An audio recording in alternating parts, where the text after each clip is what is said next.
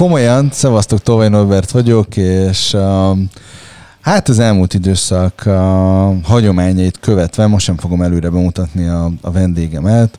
Uh, Jutka Isten hozott téged uh, itt nálam. Sziasztok!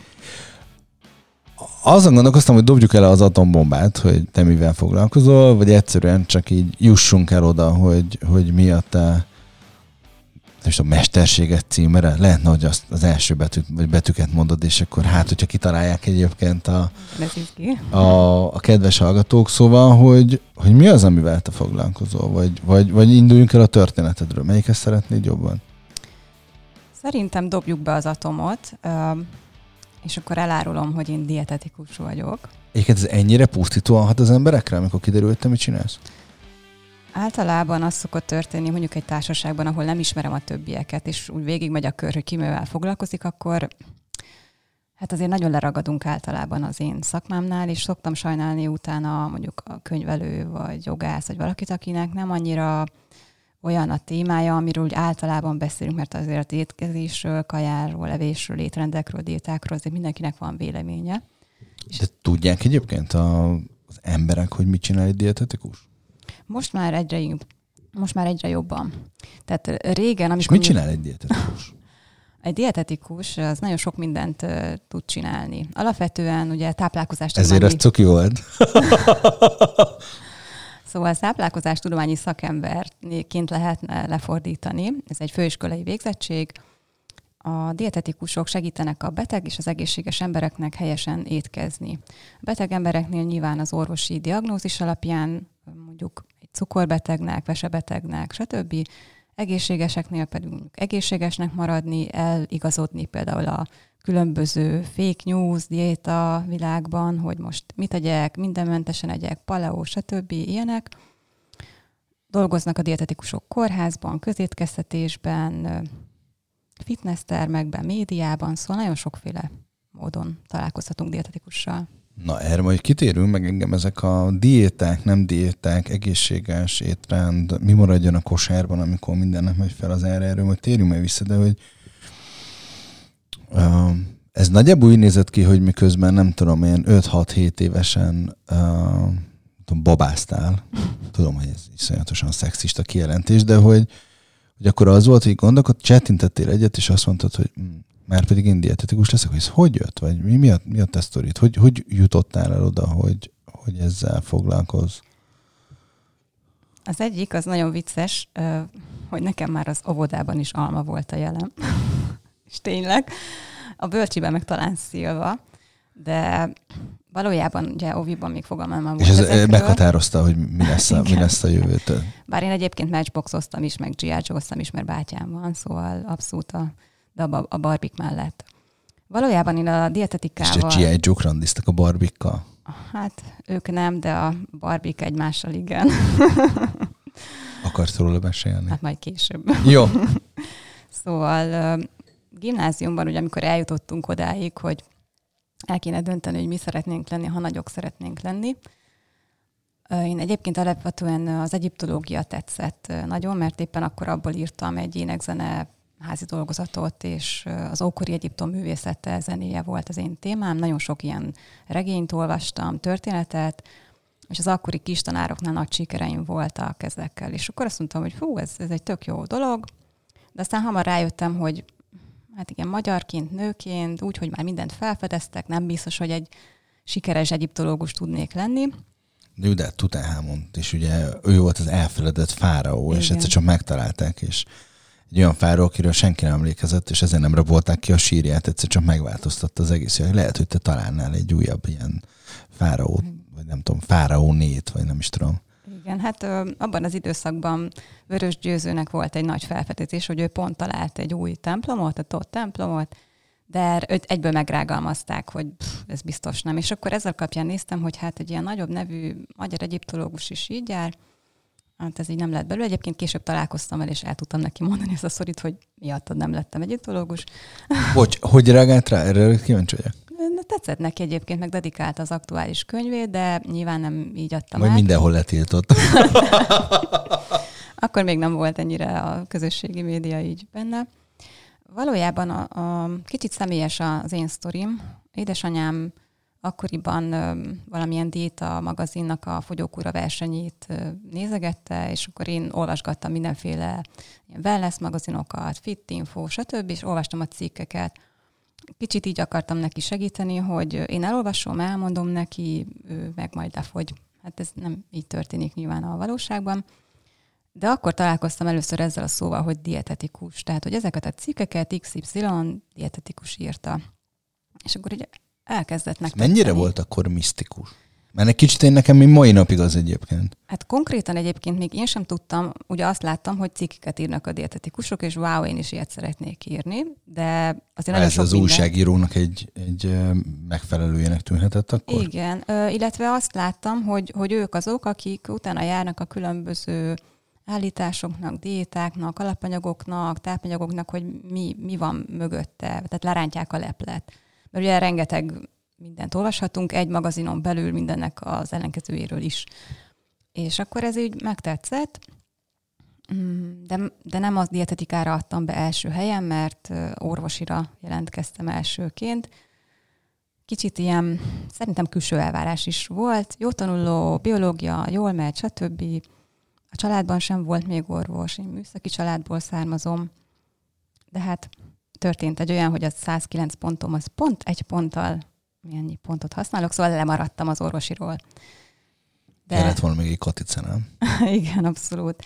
De valójában akkor is azt éreztem, hogy ha megcsinálnám az orvosi képzést, ami hat év, utána még négy év dietetika, és akkor tíz évig tanulok, és akkor még mindig senki nem vagyok, mert még éppen csak kijöttem az egyetemről, és már majdnem 30 éves vagyok, Szóval tulajdonképpen ez ilyen sorszerű is volt. Tehát, hogy nem bánom azt az egy pontot, de végülis ez volt a sztori, és uh, utána akkor végül is megtudtam, hogy mit csinálnak a dietetikusok. Egyébként nagyon sokan, akik akkoriban jelentkeztek, valójában kicsit ilyen tip-hop jelleggel választották ezt a szakmát, egy ilyen B-tervként, tehát akkor még nem volt ennyire populáris, hogy kicsoda, micsoda a dietetikus. Mennyire érezted azt, hogy hogy mikor elvégezted a sulit, uh-huh.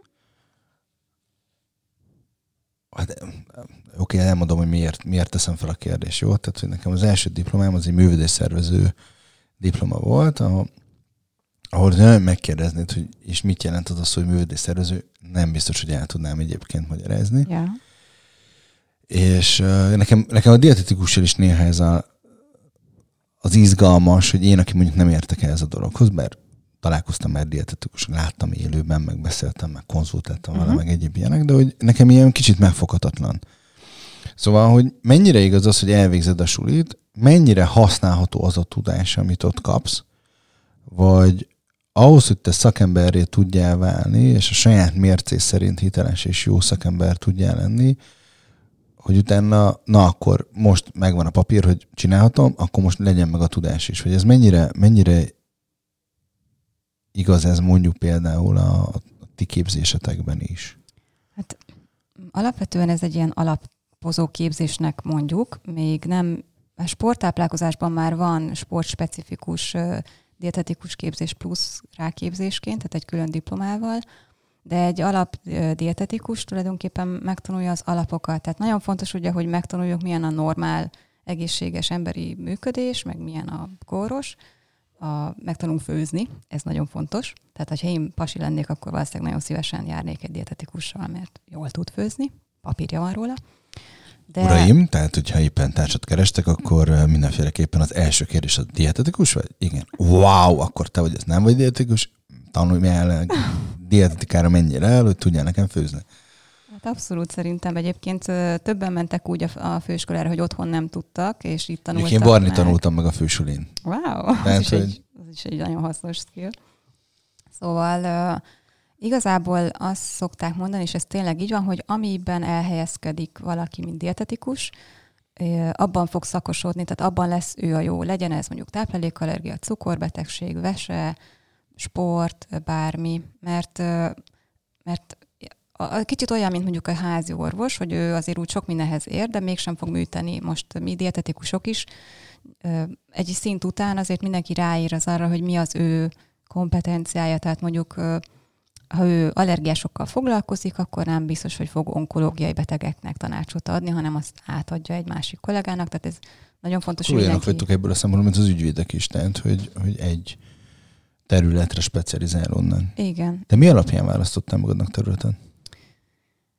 Hát Egyébként a legtöbb dietetikusnak az javasolt is, és ez a bevált mód, hogy mondjuk kórházban kezdjen el dolgozni. Azért, hogy ott valóban találkozzon élőbetegekkel, olyanok, akik nem csak egy betegsége van, megtanuljon kommunikálni a betegekkel, megtanulja azt, hogy milyen ez az egész terület.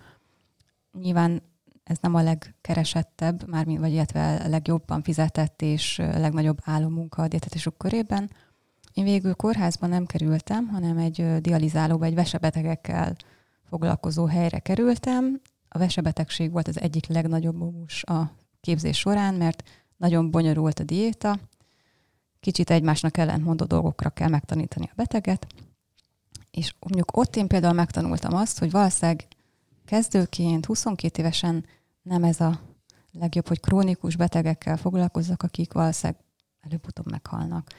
És akkor én azt éreztem, hogy ez nem az én utam. Onnan bekerültem az OET-be, ami prevenciós dietetikusként dolgoztam tovább, és akkor per úgy megtaláltam ezt a témát, hogy nekem a prevenció, tehát megelőzés, az oktatás, tájékoztatás, előadások, ez, ez lesz valószínűleg az út. Tehát, hogy nem a úgymond a gyógyító dietetika részt. Akkor te leginkább azzal foglalkozol, hogy találkozol valaki, akkor megmutatod, megmutatod neki, hogy mire figyeljen oda, vagy milyen, hogy nézzen ki egy tányér, vagy most nem a kerámia részére gondolok, hanem hogy mi kerül a tányérra? Igen, tehát egy idő után végül is én olyan területre keveredtem, ahol mondjuk olyan honlapok készítésében vettem részt, vagy olyan applikációk, vagy szoftverek, amik mondjuk igen, tehát inkább edukálnak arról, hogy általánosságában mondjuk mi, tehát cikkeket írok, posztokat írok, most már lektorálok is, vagy szerkeztek, tehát ez a, ez a megelőzés rész, hogy akkor én nekem mindig az, az a veszőparipám, ahol így, így találkozom emberekkel, hogy az alapismeretek hiányoznak sokszor, és hogyha ezeket rendbe tesszük, ami nem mindig sikerül az iskolában, akkor talán könnyebben tudnak dönteni, mert azért vagyunk teljesen elveszve ezen a téren, hogy akár abban, hogy mit csinál egy dietetikus, vagy és akkor együnk-e szénhidrátot, vagy ne, hogy, hogy az alapok. És akkor nekem az volt az egyik misszióm, hogy talán ebben tudnék én segíteni, hogy mondjuk érthető nyelven megfogalmazom a száraz tudományos tényeket. Mik az alapok? Tehát ezen kezdtem el gondolkozni, illetve azon kezdtem el gondolkodni, hogy nem tudom, mi most találkozunk egy konzultáció során, akkor, akkor mire fogod felhívni a figyelmet? Vagy hol, hol dől el? Tehát, hogy a vásárlásnál, a, a főzésnél, a, az ételrendelésnél? Tehát, hogy mi az, amire leges leg, legfontosabb figyelni, vagy először, először az első lépés. Nem, nem, nem biztos, hogy uh-huh. jól tudom megfogalmazni, de hogy hogyan, hogyan tud, mert gondolom a cél az az lenne, hogy egészségesen táplálkozzunk, és akkor felmerül a nagy kérdés, hogy mitől egészséges a táplálkozás. Igen. Uh, mert hát ugye, amit, amit te is emlegettél egyébként, fake news cuccok, az mind-mind-mind egyébként full, full uh, azt mondják, hogy ha így eszel, az enyémet eszed, akkor az annyira, annyira egészséges lesz. Uh, szóval, hogy, hogy mit, egy mitől lesz egészséges, és mi az első lépés? De mire figyeljünk oda legelőször? Ez jó kérdés, mert alapvetően pont az a nehézsége ennek a szakmának, és én ezt szoktam többször hangsúlyozni, ezért nem lehet egy mondatos válaszokat adni, mert nagyon sok minden befolyásolja. Az, hogy mit hoztam otthonról, hogy a családban milyen szokások voltak, hogy mi volt az evés körül. Kergettek az asztal körül, hogy megegyem, vagy addig nem állhattam föl, amíg el nem fogyott minden?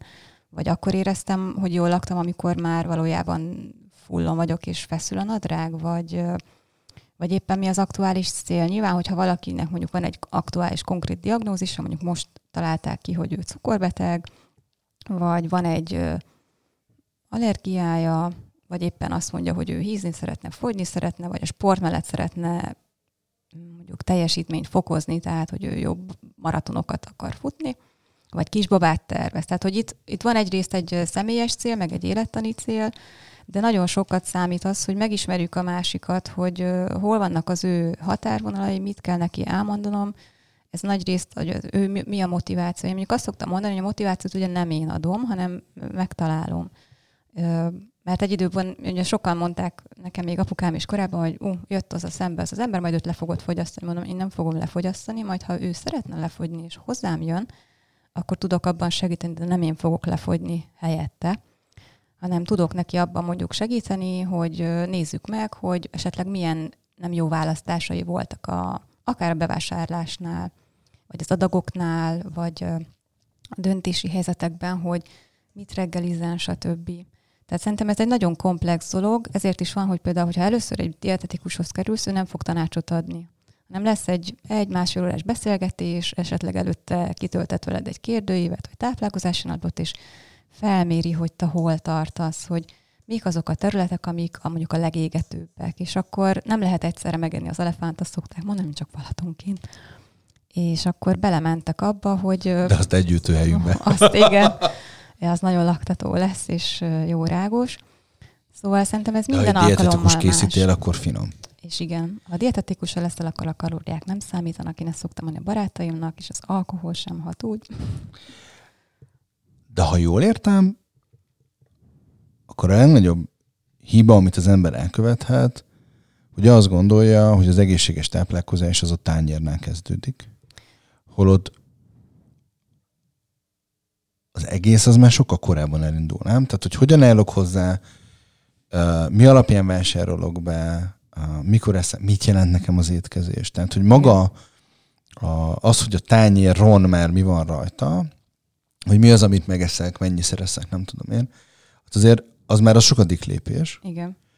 És hogy akkor a, a legnagyobb tévitek egyike, hogyha jól értem, akkor pont az, hogy azt gondoljuk, hogy a, a tányérnak kell kedvenc kifejezésem mostanában, amit hallottam, okos tányérnak lennie. Pedig ez egy jó kifejezés. E, bocs, én ezt iszonyat bullshitnak érzem, de hogyha elmondod, hogy... Mert, mert hogy én csak azt hallottam, hogy okos tányér, okos tányér, okos tányér, fogalmam sincs, hogy mit jelent, csak azt érzem, hogy valamit megint pufogtatunk.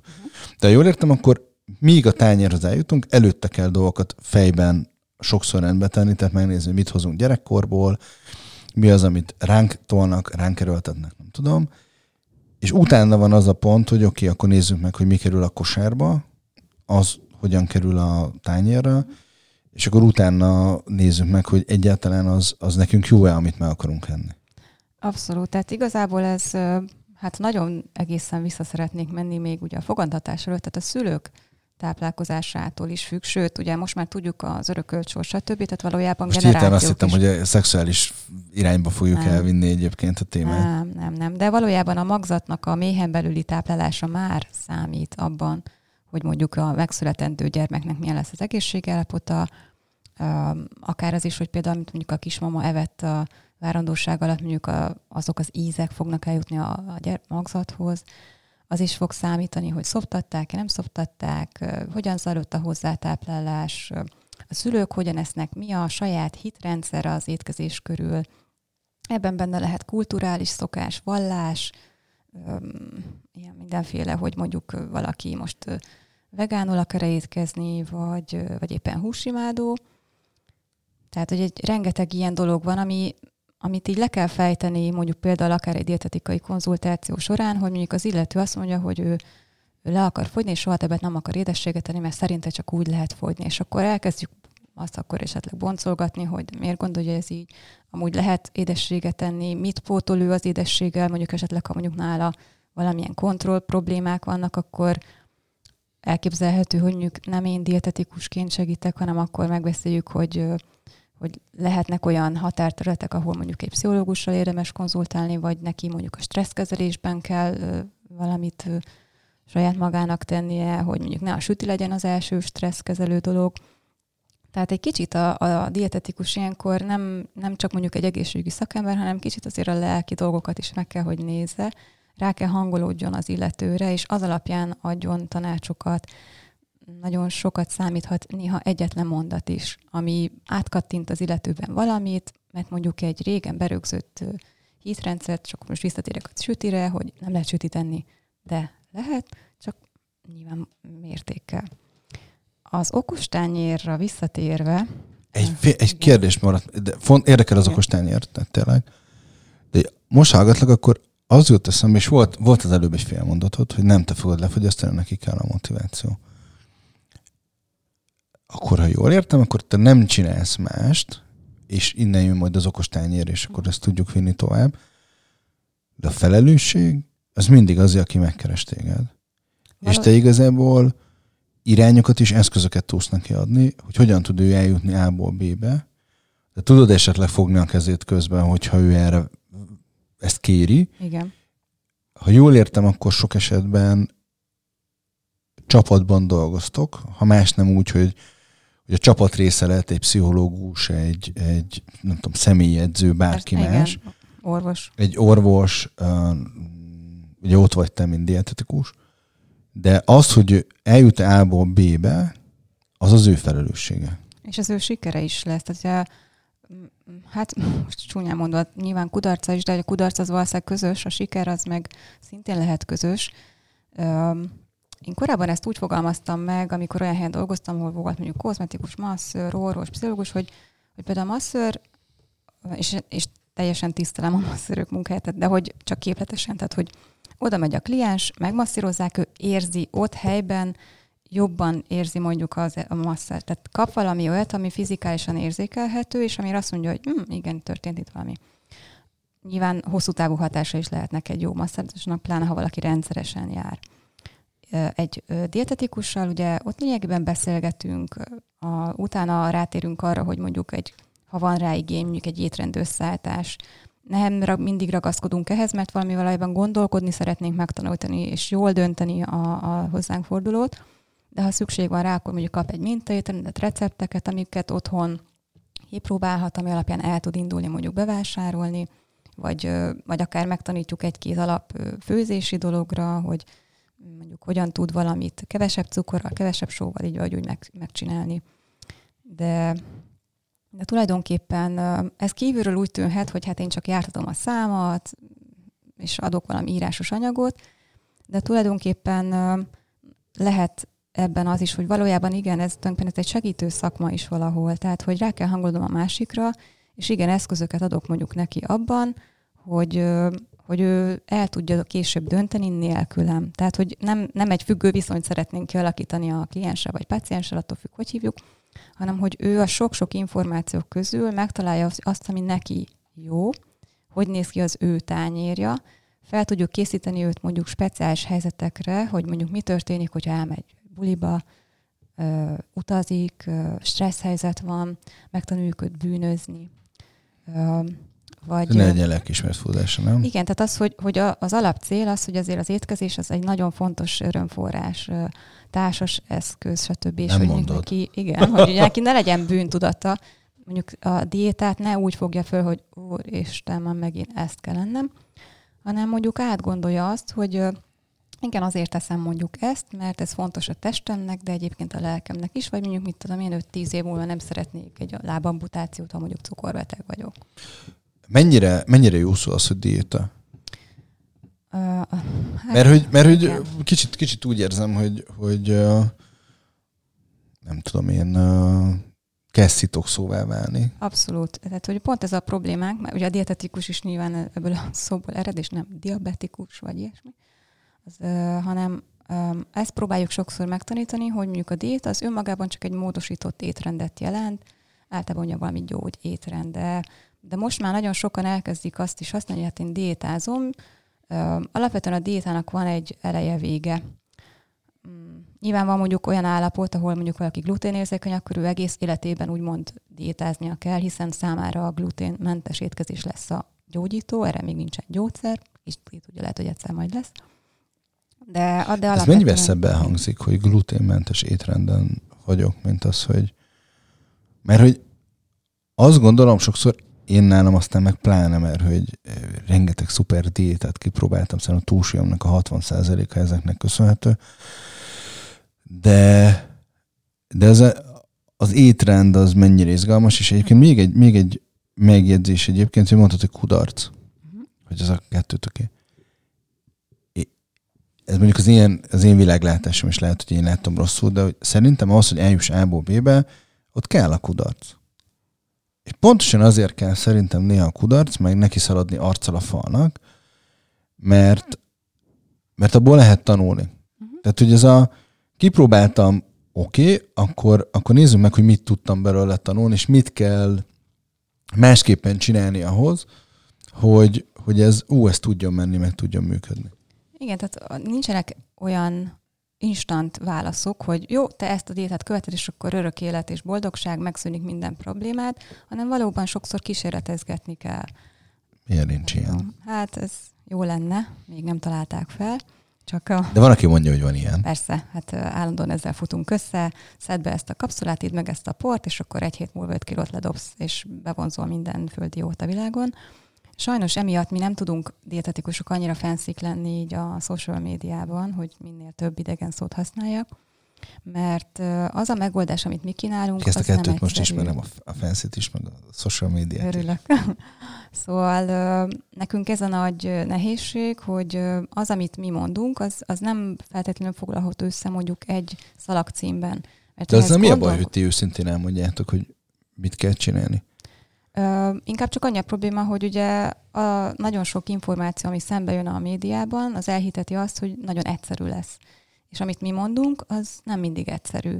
Mert igen, ott lesznek kudarcok, lesznek olyan, hogy ez, a, ez nem működött, állandó változás lesz az élethelyzetemben, ahogy mondtad, ugye most például az árak bejönnek, tehát hogy egy szempont, ami mondjuk régen működött, amely bejön mondjuk öt másik szempont, és akkor melyik ujjamat harapjam meg Egyek zöldséget, gyümölcsöt, mert az jót tesz a szervezetemnek, vagy ha megveszem, akkor utána már elfogyott minden pénzem arra a napra. Tehát, hát nem hogy, fűtünk. Igen, igen, akkor ennyi. Szóval hosszú távon is kell gondolkodni, meg aktuálisan a mában is. Tehát, hogy, hogy igen, hogy a, mondtad, hogy a diéta az ilyen kudarcos szó, vagy ilyen lemondások, hogy ne a negatívumra koncentráljak. Ú, most elkezdtem gondolkozni. Ez a most vagy a jövőben. Ez nem lehet megoldás, hogy most bizonyos dolgokat feláldozunk azért, hogy a jövőben úgy tudjunk élni egyébként, vagy azt tudjuk megélni, ami egyébként a cél? Hát pontosan erről szól ugye ez a preventív táplálkozás, tehát amikor bizonyos betegségek megelőzése, mm, tehát ha mondjuk tudom, hogy a családomban sok cukorbeteg volt, vagy nagyon sok daganatos és szív, szív probléma volt, akkor tudom, hogy erre jobban kell odafigyelnem szokták mondani, hogy a genetika és az életmód, tehát hogy attól, hogy van egy genetikai halamom, nem biztos, hogy beteg leszek, de azért jó odafigyelni. És akkor ma odafigyelni arra, hogy mondjuk valóban több zöldséget tegyek, kevesebb nasit, vagy hogy mondjuk mit tudom a húsokból a zsírszegényebbet válasszam, de azt is lehet nagyon finoman megcsinálni.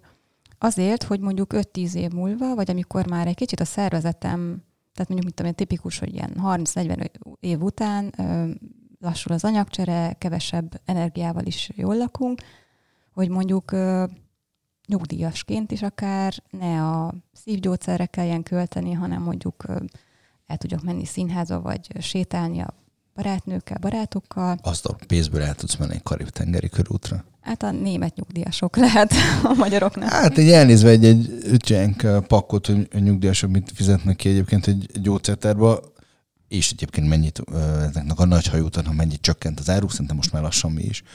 Okos tányér. Nem akarom, hogy kimaradjon, tehát Jó. hogy ez fontos. És utána van még egy téma, amit nagyon szeretnék idehozni. Csak egy? Jó. Egy mindenféleképpen, van több is, de Igen.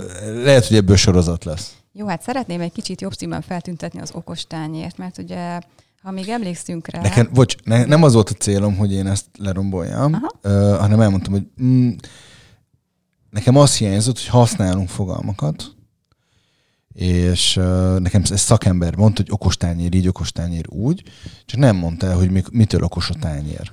Ja, értem. Ez alapvetően az okos tányér, ez az aktuális hazai táplálkozási ajánlás, a Magyar Dietetikusok Országos Szövetsége alakította ki, MDOS. Ezt sokat halljátok remélem a médiában nem más. Sőt, én szoktam magamban mantrázni Abszolút. MDOS. Igen, én az MDOS vezetőségi tagja is vagyok, úgyhogy ez egy nagyon jó szervezető, ő rájuk érdemes figyelni a, a médiában, ugye összefogják a dietetikusokat, de az okostányér az tulajdonképpen a nemzetközi trendeket követi. Tehát ugye régen volt a kis piramis. Minden országnak megvolt a saját táplálkozási piramisa, így vagy úgy, aztán... De ez akkor országonként eltérő? Igen, mert azért vannak kulturális különbségek, tehát mondjuk, hogy filippino vagyok, akkor egy picit más dolgok vannak, vagy Ausztráliában mások az arányok. A, az alapjai nagy részt azonosak voltak, de ez nem annyira segítette azt, hogy mondjuk egy átlag ember ránéz a piramisra, és akkor oké, okay, tudom, hogy akkor hogy kell bevásárolnom. Nem. És elkezdődött egy, egy nemzetközi trend. Nem azt, hogy nem segítette át, hogy ez alapján szerintem ember nem volt, aki vásárolt. Igen, mert túl, túl bonyolult volt, és akkor el, elindult egy trend Amerikában, Angliában, stb. egy ilyen MyPlate, Healthy Plate, tehát ilyen egészséges tányérokat kezdtek kialakítani, mert egy tányéra sokkal könnyebb azonosulni, mint egy piramissal. Lefor, lefordítod nekem ezeket a fogalmakat, amit az előbb Igen, mondtam. a MyPlate az az én tányérom, a Healthy Plate az pedig egészséges tányér. És akkor ezt az irányvonalat követte a magyar, hogy poroljuk le, engedjük el ezt a piramist, legyen egy okos tányér, hogy okos döntéseket. Hát nyilván ilyenkor, amikor egy ilyen ajánlás születik, akkor az a nehézség, hogy nagyon sok tudományos információt kell nagyon egyszerű grafikával, nagyon egyszerű üzenetekkel megfogalmazni. Hát, hogy akár még én is megértsem, ugye? Igen, és akkor ugye itt ebben látunk egy tányért, aminek a fele zöldség, gyümölcs, egy negyede gabona, vagy valamilyen tészta, krumpli, egy negyede pedig húsfélék, halak, tojás, stb. Velette van még pohár víz, és pici mennyiségben egy kis sószóró, meg egy kicsi olaj. Nyilván nem azt jelenti, hogy minden alkalommal egy tányéron eszünk, hiszen van, hogy csak egy szendvicset eszünk, vagy egy almát délután, néha sütit is akár. Ez inkább abban segít, hogy úgy összességében el tudjuk dönteni, hogy mondjuk ne a magyaros példát kövessük, hogy egy óriási hús, és rengeteg rizs, vagy tészta, vagy krumpli, és hát a zöldség csak úgy mutatóban. Mi ezzel a baj? Az a helyzet, hogy ugye ez a klasszik magyar, vagy szoktuk mondani, ez a nyugati típusú táplálkozás, nagyban felel az egyébként a sok civilizációs problémáért, cukorbetegség, szívérendszeri, daganatos betegségek. Mert mert túl sok benne a De akkor nem az ízvilággal van a probléma, hanem ahogy elkészül, meg, meg az adagokkal. Igen, az, főleg az adagok, meg az arányok. Itt mindig inkább az arányok. Tehát nem azt jelenti, hogy ne együnk mondjuk krumpli, tésztát, rizs, stb., de hogy mondjuk az ne a tányér fele legyen, hanem elég kevesebb is. Vagy hogy nem kell annyi hús, mert ugye most ebben a fehérje mizériában, amiben Ennek élünk, a vegánok most örülnek ennek a hát, kijelentésnek. biztosnak.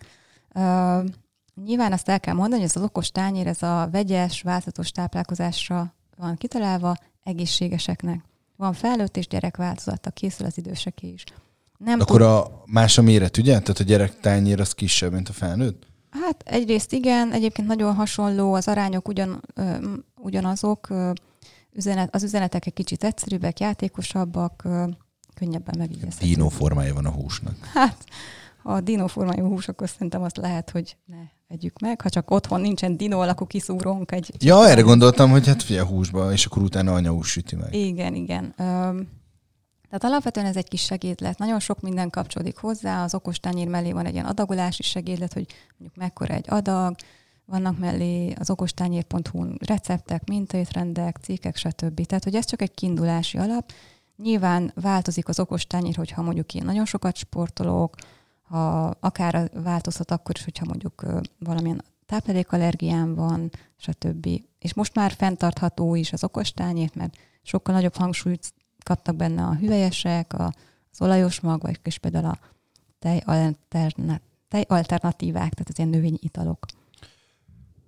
Mennyire a már fenntarthatóság, hogy szezonális, meg magyar termelőktől vásároljunk egyébként mennyire fontos az, hogy nem tudom, piacon megyünk, mennyire fontos az, hogy ugye mi erről beszélgettünk privátban, hogy ugye mi kerüljön a, az asztalra, hogy feldolgozatlan ö, alapanyagokat vegyünk, vagy félig feldolgozottat, vagy, vagy ö, ö, nem tudom, készételeket, tehát mennyire fontos, és akkor beosztál egy ilyen, nem is tudom, ö, néz, nézőpontot, amire én nem is gondoltam volna mondjuk a félkész ételeknél, hogy, hogy oké, okay, de hát ezt kevesebb energiával meg tudom, a, vagy el tudom készíteni.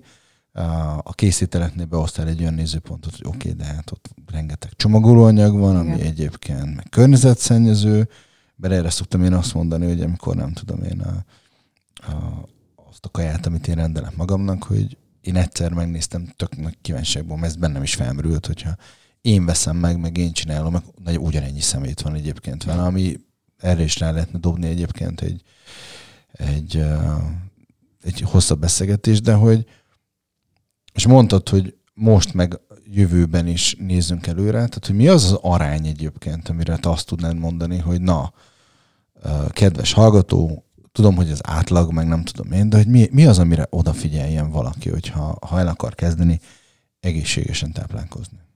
Az első tanuljon meg főzni. Mert ez sem teljesen egyértelmű, és itt nincsen benne semmi ilyen nemek, hogy most akkor férfi főz, vagy nő főz, vagy stb.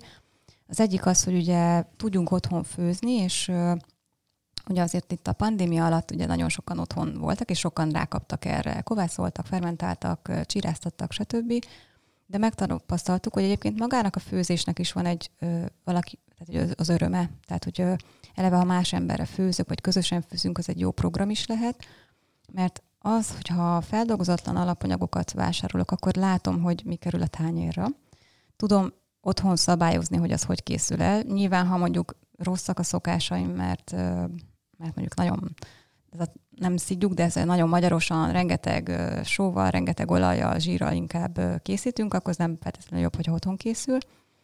De időnként természetesen rugalmasnak lehet lenni, tehát ha vehetünk félkész készíteleket is, de ez legyen a kisebb arány. Vagy hogyha például elmegyünk otthonról, és nem otthon eszünk, akkor próbáljuk meg mondjuk azt, hogy akkor helyben esszük meg, és akkor nem kell mondjuk elviteles doboz. De most már erre is vannak egyébként jó alternatívák, tehát ilyen fém elviteles dobozt is tudunk egy ilyen rakónrendszerben megrendelni, és akkor ugyanaz a dobozunk pörög a rendszerben, mert nagyon sokat beszélhetünk itt, hogy mi az egészséges táplálkozás, de ugye nagyobb távlatban tényleg, amit behoztál, ez a fenntarthatóság is fontos. Tehát, hogy nem csak az én egészségem, hanem bolygónking is, hogy mondjuk hát az unokánknak is úgy legyen hely, ahol tudnak répát enni, meg egyebeket. Korábban beszélgetéseknél felmerült egyébként, és azt gondolom, hogy most jött el a, a, a pillanata, hogy, hogy nem is azt érzem, hogy van egy küldetésed. Hogy nekem van küldetésem. Aha. Igen, nekem talán ez, hogy ö, én, ugye van egy blogom, ez a Beautiful, amiben a full szó az a bolondot jelenti. Egyébként egy családi becelevemből a Jutiból ered. Mert a gyerekként... Egy bolond hitt, csaj vagy? Hát egy bolond csaj vagyok, meg ugye gyerekként azt hittem, hogy a beautiful, mint szép szó, az a Jutival valahogy összefüggésben van, és amikor blognevet választottam, akkor ez így nagyon adta magát. Tehát én ö, szeretném egy kicsit ö, könnyen emészthetővé, milyen szép kifejezés tenni ezeket a nagyon sok ö, szakmai infót, meg azt, hogy öröm legyen úgymond az étkezés, mert annyi bűntudat, tiltás, stb. kapcsolódik oda, és egyébként nyilván dietetikusként ugyanúgy megküzdök én is ezekkel, és, és nekem is alakítganom kell, csak mondjuk talán abban vagyok szerencsésebb, hogy hát úgy születtem, hogy mondjuk alapvetően az úgymond egészségesebbnek titulált élelmiszereket szeretem jobban, ezek esnek jól. Példánkat mondasz? Mi az, ami egészséges, mi az, ami kevésbé egészséges? Igen, ez egy nagyon, gondoltam is, hogy fontos erre kifejezni, mert ez egy nagyon sokat használt kifejezés, és sokszor rossz, rossz irányba terelődik. Mm, szoktuk is mondani, hogy már jobb nem egészséges táplálkozásról beszélni, nem egészségmegőrzőről, mert ugye betegen is tudok enni, nem csak egészségesen is. Ha-ha-ha. Bocsánat. Uh, itt adás vége, szóval ez volt a bolondos Örülök, hogy itt voltál. Tehát, hogy hogy ez mindig egy ilyen spektrum, és hogy az adott szemét kell nézni, hogy neki mi egészséges. Mondjuk nekem egészséges az, hogy mondjuk én rendszeresen eszem mondjuk magvakat, tehát ilyen dió, mandula, ilyesmit egy héten többször. Egy dió és mogyoró allergiás azt mondaná, hogy hát közi szépen, tehát ő mondjuk konkrétan megfullad egy ilyentől. Tehát, hogy azért kell mindig célzottan nézni, hogy kiről van szó. De ha a nagy átlagot vesszük, akkor nyilván a sóban, telített zsírokban, tehát én állati zsírokban, cukorban gazdagabb többszörösen feldolgozott élelmiszerek, az agyon égetett, tehát kicsit karcinogén élelmiszerek, azok az egészségtelenebb spektrumra kerülnek.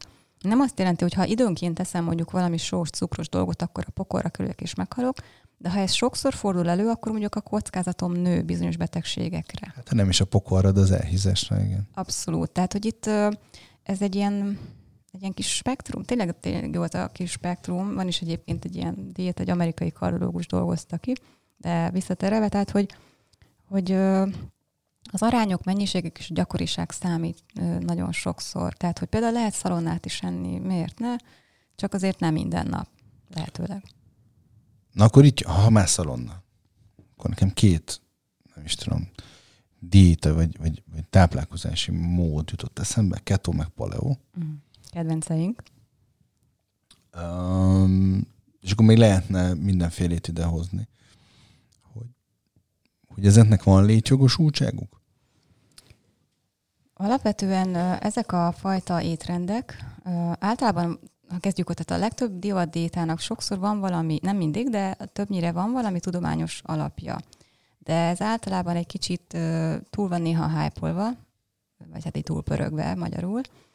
A ketogén diétának annyi az alapja, hogy például az epilepsziás gyermekek részére kifejlesztettek egy diétát, ez a ketogén diéta, ami egy nagyon magas zsírtartalmú, nagyon alacsony szintre tartalmú diéta, elég nehéz tartani, mert mondjuk négyszeres a zsírszorzó, egyszeres mondjuk a szénhidrát, tehát mondjuk ő nem eszik kenyeret meg chipset, hanem mondjuk egy cupákos, valami nagyon zsíros dolgot eszik, és csak álmodozik mondjuk a lisztes sütikről, mert az ő idegrendszerüknek ez jót tesz. Tehát csökken például az epilepsziás rohamok száma, hogyha ők így esznek, de ezt egy kontrollált keretek között. Ennek a ketogéndétának is vannak különböző változatai. Akkor szok, tehát hogy nyilván ez mondjuk az első lehet, hogy valaki így diétázik, és akkor csökkennek a rohamok, lehet, hogy később mondjuk úgymond el is múlnak. De ugye átalakult egy kicsit, és a fitnessipar is ezt így felfedezte magának, hogy akkor szálkásodjunk le azzal, hogy nem eszünk szinte semmi szénhidrátot, rengeteg fehérét és zsírt eszünk, és akkor majd kipattintjuk magunkat a nyára két nap alatt. De ebbenek lehetnek Még nagy kell legalább három nap, nem? Hát abszolút, igen. Végülis mi van ma hétfő, szóval, hogy csütörtökre meg lesz. A, a paleo az pedig ugye arra az elképzelésre alapul, hogy ugye az ősembereink, ősemberek hogyan étkeztek, és akkor ott is a feldolgozott dolgok, tehát tej, gabona, cukor, stb. kiestek. És nyilván elképzelhető, hogy mondjuk egy olyan népcsoport, akik a civilizátlan kultúrákban élnek, nagyon tisztán esznek olyan értelemben, hogy ugye ők nem járnak gyorsétterembe, és nem mondunk neveket, stb., de nem is cigiznek, nem is isznak alkoholt, és nem a... Csak a kokain, ugye? Hát, amit találnak. Szóval, hogy, hogy a paleónak az lehet a probléma, hogy azért az ősembereket, ha jobban megnézzük, ők azért nem is éltek olyan sokáig. Tehát ők 30 éves, az már ott úgy soknak tűnt. Pár paraszti társadalomban is 30-40 évesen azért két-háromszáz évvel ezelőtt megköszönték a lehetőséget. Igen, a, és a, a, az a probléma ilyenkor a ketónál, meg a paleo és hasonlóknál, hogy... És lehetne még egyébként nagyon sokat azt gondolom nyilván, mondani, tehát nem, nem Hogy itt, itt sokszor mondjuk ezt felfedezi magának valamilyen ipar, és akkor nyilván valami étrendkészítőt, vagy egyéb cuccot tolnak mellé, és akkor valami edzést. De akkor ez csak biznisz, nem?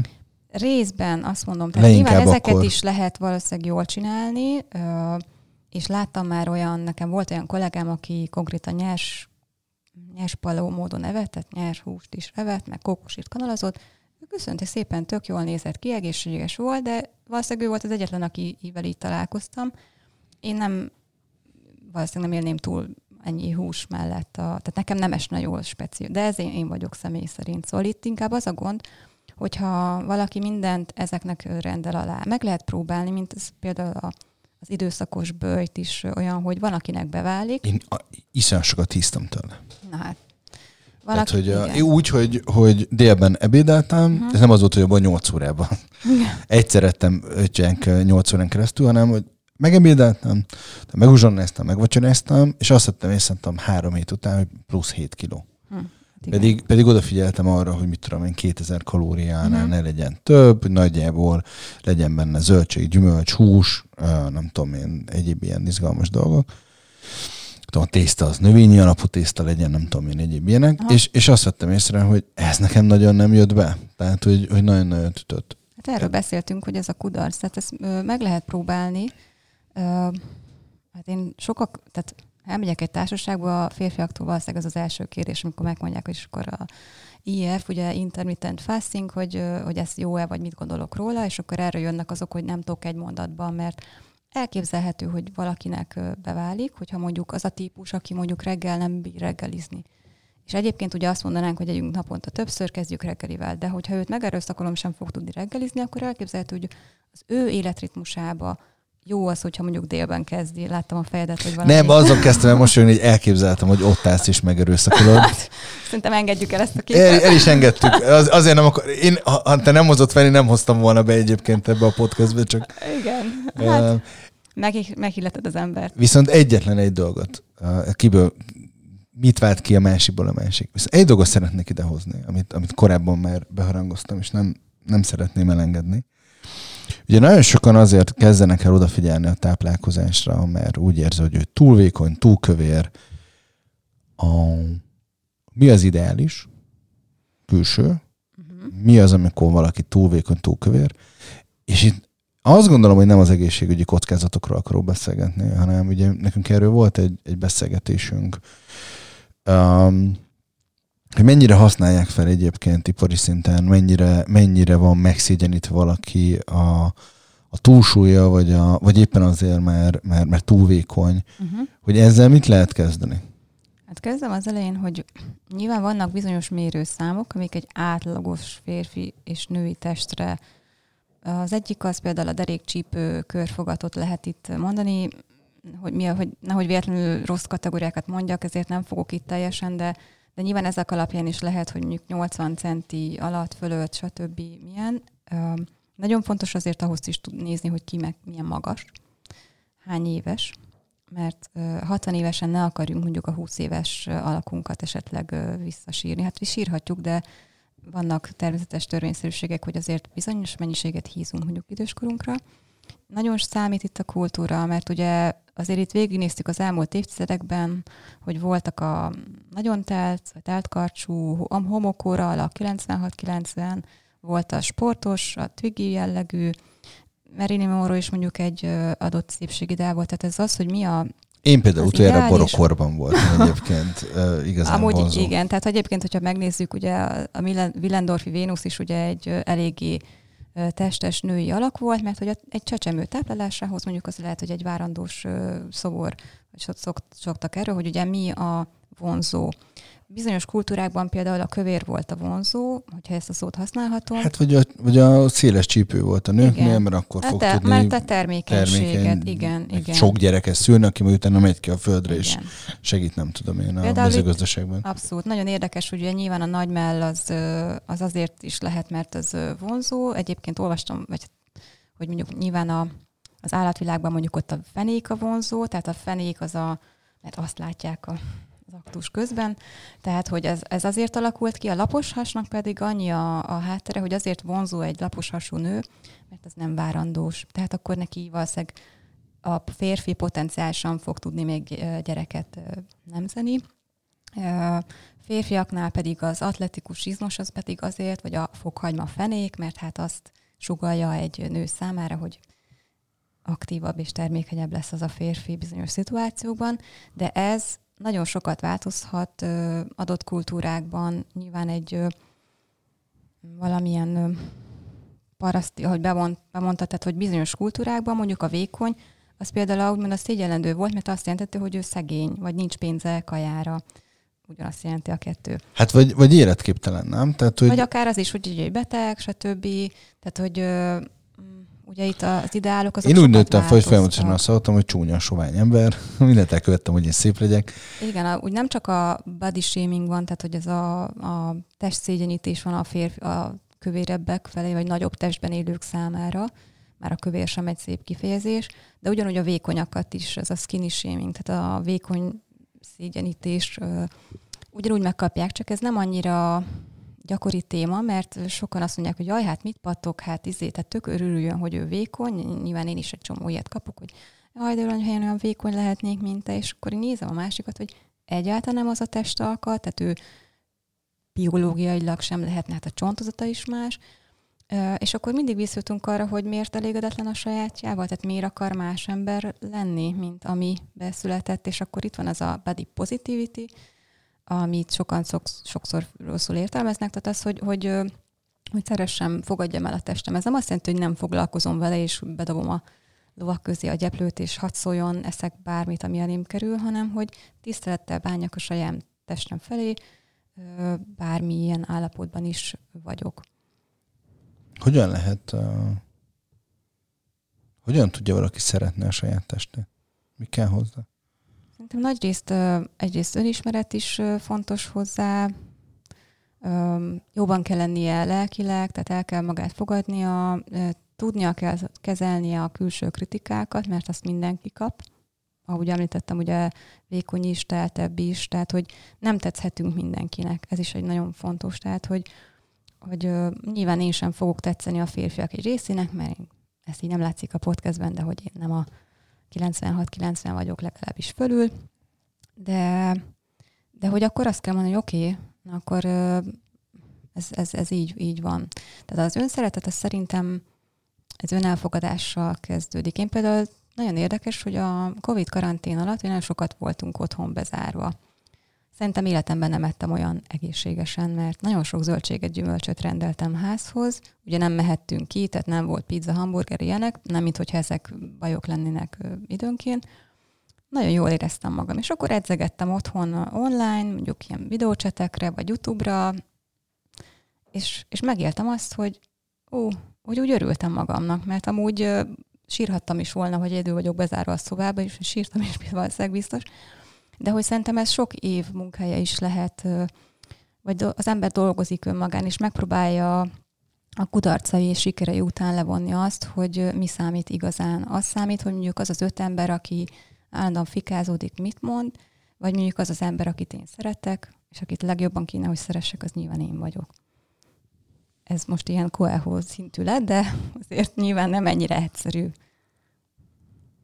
Hogyan, hogyan lehet elindulni abba az irányba, hogy ha valaki folyamatos támadást kap a, a teste miatt, hogy, hogy ne az legyen, hogy ő egy páncélt növeszt, és azt mondja, hogy hát a, nem tudom, fogadjatok el így, mert én ilyen vagyok. Mm. Én nagyon sokszor találkozok ezzel, hogy, hogy átcsap egy ilyen önbecsapásba abból a szempontból, hogy, hogy ő arról kezd el beszélni, hogy hát de ti ilyen vagyok, de valaki szeret, akkor szeressen így. Mm. És közben ő sem szereti egyébként saját magát. De hogy mi lehet a kulcs? Mi lehet itt az arány, hogy hogyan lehet ezzel szembenézni? Ezek jó, jó kérdések. Én nem biztos, hogy fogok most tudni erre válaszolni, mert mert ez nem feltétlenül csak az én szakterületem, tehát ez már ebben nyilván van ami lélektan is, de azt gondolom, hogy ez nem feltétlenül teljes egyéni. Tehát Akkor egy, lehet, egy, hogy arra vagyok egyéni. kíváncsi, hogy te, mint, mint magánember, uh-huh. aki itt ül velem szemben, a, te ezt hogy látod? Én azt gondolom, hogy tegyük meg, amit tőlünk telik. Tehát ez lehet az, hogy a, a testmozgásban, az elegendő alvásban, abban, hogy mondjuk felmérem, hogy mi a jó étkezésben nekem. Tehát nem az miért, mert azt olvastam a magazinokban, hanem hogy így változtatgatók, hogy, hogy itt jól érzem-e magam ebben az étkezésben, vagy nem. Legyek rugalmas, tehát fogadjam el, hogy lesznek rosszabb napok. Lesz olyan nap, amikor nem úgy eszek, ahogy az okostányér írja, bár nyilván ez ugye ez egy minta, egy ideál tudjak felállni a saját kudarcaimból, és, és foglalkozzak akár az önismeretemmel, ez mindenkinek más lehet. Nyilván nem elég elolvasni egy könyvet, de akár az is lehet, hogy, hogy tudjak úgy beszélgetni másokkal igazán őszintén, hogy mondjuk megismerem, hogy olyan mások is egyébként küzdenek ezzel, vagy, vagy legyek elfogadó másokkal és magammal szemben is, ahogy én például azt szoktam érezni néha, hogy nekünk nőknek talán amiatt könnyebb és nehezebb, mert mondjuk például a havi ciklus során hetente változik az, hogy hogy néz ki a testem. De hogyha mondjuk ennek biológiailag a tudatában vagyok, tehát megtanultam, hogy igen, ott az ösztrogén, meg stb., meg mi történik, és elfogadom, hogy nem minden nap leszek kicsattanó formában, akkor ez tök oké lesz, és akkor ezzel tudok menni, sőt, akár tudok ez alapján tervezni, és mondjuk milyen hetekre, milyen programokat szervezzek. De ha minden héten a kardom bölök, hogy oh, ez most így nem jött össze, hogy hogy néz rajtam ez a ruha, akkor ez egy folyamatos önsanyargatás. És talán ez a kult szó, hogy, hogy ne sanyargassuk magunkat, mert ugyanúgy mondunk csúnya szavakat másoknak, hogy nézd már, hogy meghízott, ami eléggé ciki, de ugyanúgy magunknak is. Ugye mindenkinek a fejében vannak ilyen kis gondolatok, hogy ja, most ez nyilván nem az én fejemben, de hogy aztán, ha megint megetted ezt a dagat disznó, vagy ilyesmi, nagyon csúnya gondolatokat tudunk saját magunk mondani.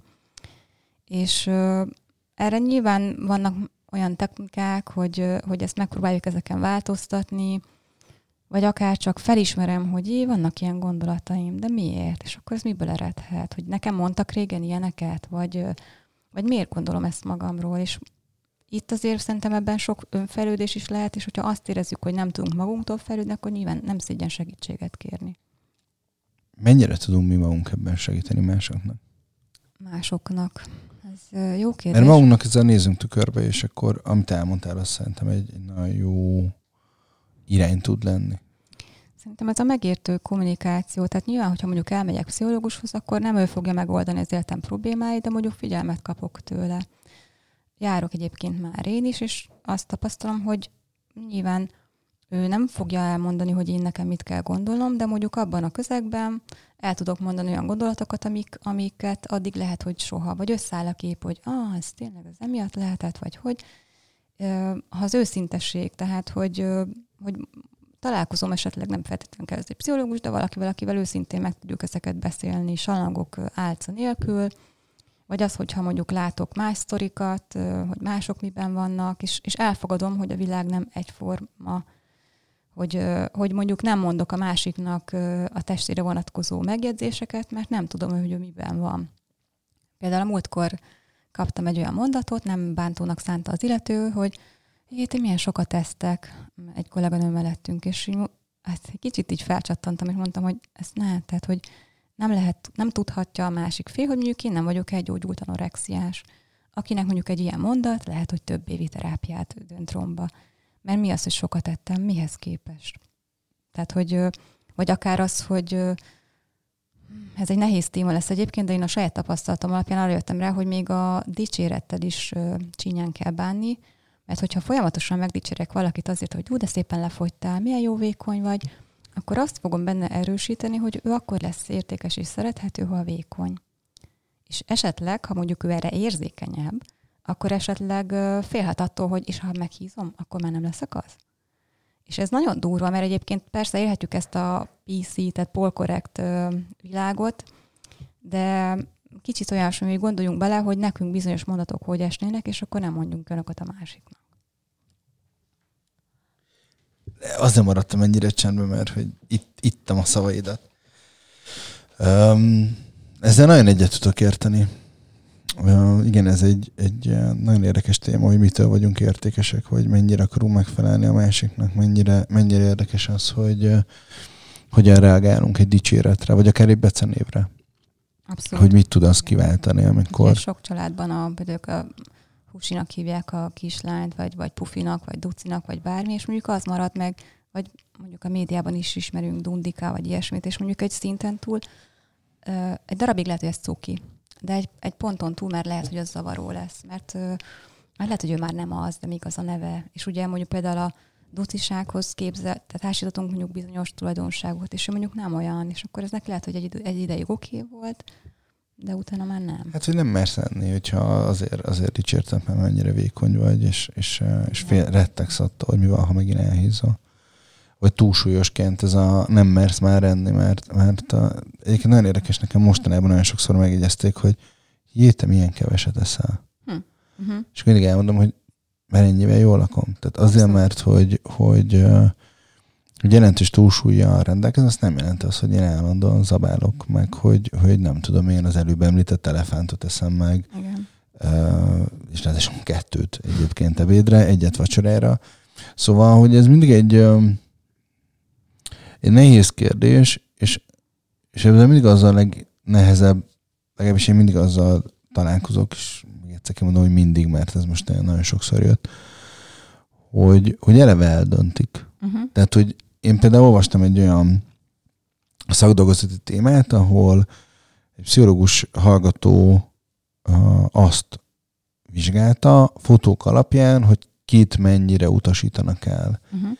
És akkor a fotók alapján nagyon egyértelmű volt, hogy, hogy volt egy zsidóvallású, férfiak voltak csak a képen, volt egy zsidóvallású férfi, volt egy cigány származású srác, volt egy nagyon erőteljesen túlsúlyos uh, fiú, és akkor volt egy ilyen szőkekék szemű, uh, vékony, vékony srác.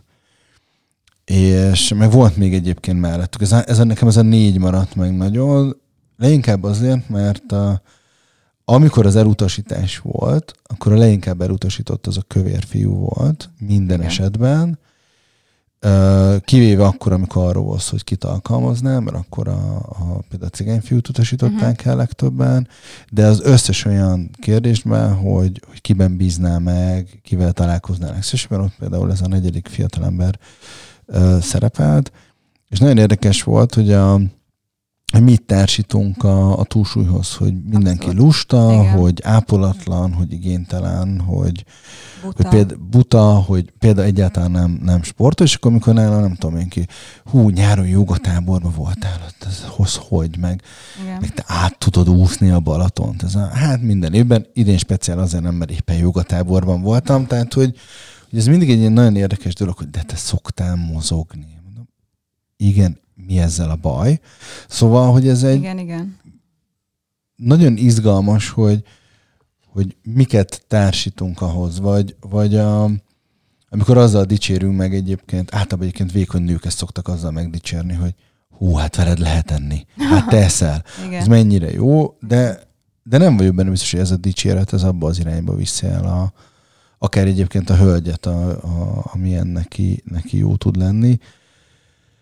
Um, Én is kaptam már egyébként ilyet, mert a, nagyon morbid ilyen értelemben, mert hogy nagyon sok kecsöpöt tettem az adott ételre, vagy majonét, és akkor így, ah, de jó, eddig a lányok, akikkel voltam, azok így éppen, hogy csak így csöpögtettek rá, és hogy ez mennyire jó. Hát jó, mert mondom, én szeretem az ilyen szószosabb dolgokat, nem annyira a száraz kajákat, és akkor ez volt a kiugró, hogy így, és akkor így de egyébként, ha már ez is bejött nekem, még az is jött, hogy például milyen férfias, hogy nőies étel, hogy a saláta, vagy a hamburger, vagy a steak. A reklámok is szoktak rámenni, hogy mondjuk például az italban, hogy a sör vagy a koktél. Miért, lehetne, miért nem lehetne, hogy egy férfi a koktélt szereti, a nő a sört? Vagy hogy a férfi eszi a salátát, és a nő a hamburger. Tehát, hogy ebben is vannak ilyen érdekességek.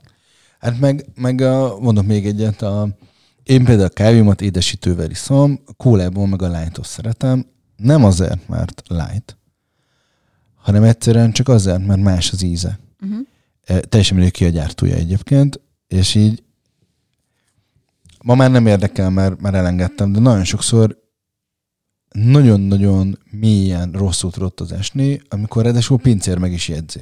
Biztos, hogy light. Ja, Istenem. Főleg akkor, hogyha nem tudom én mondjuk mézet kértem a teához. Uh-huh. Tehát, hogy meg, meg a rossz nézést, és, és um, vagy akár akivel elmentem és találkoztam, ez legyen ez egy üzleti megbeszélés, vagy bármilyen más, más alkalom, hogy és nagyon sokáig én tök zavarban voltam, és elkezdtem megmagyarázni, hogy miért uh-huh. lehet, és nem azért, mert hogy ú, meg kövér, mert nem tudom. Uh, ugyanez a kajánál is egyébként, hogy ez a merjem azt kérni, amit, amit szívem szerint ennék, vagy egyem azt, amiről azt gondolom, hogy a, a velem szemben ülő Aha. elvár tőlem, hogy akkor rendeljek magamnak, nem tudom én, steak, mi ez, grill zöldségeket, meg valamilyen, nem tudom én, natúr csirke mellett, mert akkor, akkor tudom azt megmutatni, hogy mennyire, mennyire egészséges ezt, tudom döngetni a melkosomat. Ja. Tehát, hogy te mit javasolnál? Kicsit térjünk vissza a dietetikushoz. A, mennyire ez határozza meg, vagy mennyire, mennyire figyeljünk erre oda um, a saját életünkben? Szerintem merjünk olyat tenni, amit, amit mi szeretnénk, és ne, ne a külső elvárások alapján, mert ez fog ami igazán megbénítani. Ugye mostanában nem új trend, de már neve van, ilyen értelemben az intuitív étkezés, ami két a külföldi dietetikusnak a a szüleménye, de én amikor ez így megjelent Magyarországon, akkor úgy voltam, hogy nevet adtunk annak, amit mi dietetikusok azért általában mondunk, tehát hogy az evés nem csak az evésről szól, ez nagyon sok, erről beszélgettünk végig, nagyon sok pszichológiai vetülete van, és ugye nagyon sok dolgot eszünk azért, mert azt gondoljuk, hogy ez, ez az elvárt, vagy akár vagy azt kell ahhoz, hogy én jól érzem magam, és hogy nem kapcsolódunk ahhoz, hogy én nekem mi az, ami jól esne. Tehát, hogy lehet, hogy fogom tudni, hogy az a fél tábla csoki az hány kalória, de lehet, hogy azt is fogom érezni, hogy most jobban érzem magam tőle. És nem azt jelenti, hogy minden alkalommal, amikor rosszul érzed magad, akkor meg kell lenni fél tábla csokit, de hogyha időnként előfordul, pff, jó, hát akkor megtörtént. Kell tudni egyébként, hogy miben mennyi kalória van? Hát a dietetikusnak ugye nyilván, és ugye ebben is vannak nagy harcok, hogy számoljunk kalóriát, vagy ne számoljunk. Alapvetően ugye tudni kell, hogy mi a cél. Tehát, hogy, hogy mondjuk egy cukorbeteg, vagy aki fogyni szeretne, azért érdemes mondjuk az, legalább az elején ezekkel tisztában lenni, hogy az arányokat tudjuk. Hogy például megtanult, hogy a, hogy a tányérodon mondjuk körülbelül mekkora adag lesz ennyi-annyi. Mert azért a nap végén már nagyon sok kutatás ezt alátámasztotta, hogy nem feltétlenül az számít, hogy te most a fehérjedús, zsírszegény, ilyen meg olyan diétát fogyasztottad, hanem nagyon leegyszerűsítve sokszor számított az, hogy végül energiában mennyi. Nyilván energia és energia közt van különbség, tehát nem mindegy, ezt egy rostús valamiből leszem, vagy tömény cukorból, de hogy azért nyilván számít. Tehát, hogy legalább nagyságrendileg legyek tisztában azzal, mondjuk ne akarjak 3000 kalóriát tenni, ha egyébként a testemnek 2000 kalóriára van szüksége, és ez fontos szó, hogy az én testemnek, mert ugye változunk. Nagyon sokan ugye ott is elrontják, hogy annyira alacsony kalória, és a negatívban, hogy nagyon alacsony kalóriatartalmú étrendet próbálnak követni, ami mellett egyszerűen tényleg rosszul vannak, éheznek, és sanyargatják magukat. Mi lesz a vége? Aztán abba hagyja az egészet, hagyjuk ezt el, és utána elkezd mondjuk többet tenni, mert, mert addig megvonta magától. Tehát, hogy, hogy itt a, az azért amiatt fontos, hogy mondjuk azért legyek tisztában azzal, hogy mondjuk megettem mondjuk szegény csokit, ne szígyuk, de mondjuk megettem egy tábla csokit, az olyan, mintha egy, egy ebédet nagyjából fedeztem volna. És hogy inkább az, az szokott lenni, hogy, hogy az apró falatokat, a hezem, akkor egyek, és akkor ne az legyen, hogy csodálkozom mondjuk azon, hogy hm, rám jött pár kiló, vajon mitől lehetett, én nem is ettem, és aztán, ha végig gondolom, vagy így én azt hittem észre, hogy a szekrényben összementek a ruháim. Igen, hogy mondjuk azért használja a dietetikus szakma is nemzetközi szinten, meg itthon is mondjuk a táplálkozási naplót, mert ez egy nagyon jó visszacsatolás tud lenni, még akár anélkül, hogy kiszámolnánk a kalóriákat is, hogy, hogy az illető, aki nem akar megfelelni a dietetikusnak, ezt kult szó, mert ilyenkor általában az első napokat ilyen nagyon ideálisan meg szokták írni, hanem amikor tényleg, hogy vedd észre, hogy mikor eszel hogy megetted a gyerek maradékát, vagy á, azt ne dobjuk ki, azt még megeszem, vagy hm, így a fiókból egyszer csak így eltűnik a fél zacskó keksz, tehát hogy inkább ezek miatt lehet fontos azt tudni, hogy nagyjából miben mennyi kalória van. És aztán, ha ezeket megtanultam, akkor az lenne az ideás, hogy mondjuk már nem kell ezzel foglalkoznom, mert tudom, hogy mit, mit, mitől lakom jól, mi, mi lesz elég. Tehát eleve mondjuk nem eszem túl magam, nem eszem kevesebbet, tehát inkább, inkább ez benne a lényeg. Még az jutott eszembe az előző szóról, hogy például amikor dietetikus van a társaságban, és ez saját tapasztalat, akkor hogy az emberek egy kicsit így összerendezzenek, hogy úristen, csak ne nézd meg, hogy mit eszem, mert Jézusom. És akkor, tehát, hogy bocsi, tehát, hogy én mondjuk, hogyha valaki elmegyek kajálni, akkor nem fogom nézni, hogy akkor ő hány kalóriát teszik, mert nem a paciensem vagy. Tehát, hogy, hogy nyugodtan lehet enni, de a másik oldalról meg persze volt már olyan, hogy spenótot tettem egy munkahelyemen, és akkor te fogyózol? Miért fogyóznék? Tehát, mert főzelék. Jó, de hát azért ez, ez anyukám csinálta, ez egy ilyen masszívabb, mondjuk mit tudom én, főzelék volt. Um, ez nem azért eszem, hanem mert szeretem. Vagy hogyha mondjuk én salátát eszem, akkor nem biztos, hogy azért fogom enni, mert fogyózni szeretnék, hanem mert jól esik. Tehát, hogy ilyenek is vannak sokszor, hogy, hogy a kajában is társítunk mellé dolgokat, hogy biztos azért, mert dietetikus, akkor soha nem eszik olyan igazán jókat. Miért ne? Legyen ez az zárszó. Szerintem ez a tökéletes zárszó. Jut körülök, hogy itt voltál. Köszönöm szépen. Azt gondolom, hogy van még egy-két dolog, ami miatt majd lehet, hogy, hogy ide foglak citálni, és akkor, akkor még arról beszélgetünk. Egy élmény volt. Nekem is. Köszönöm szépen.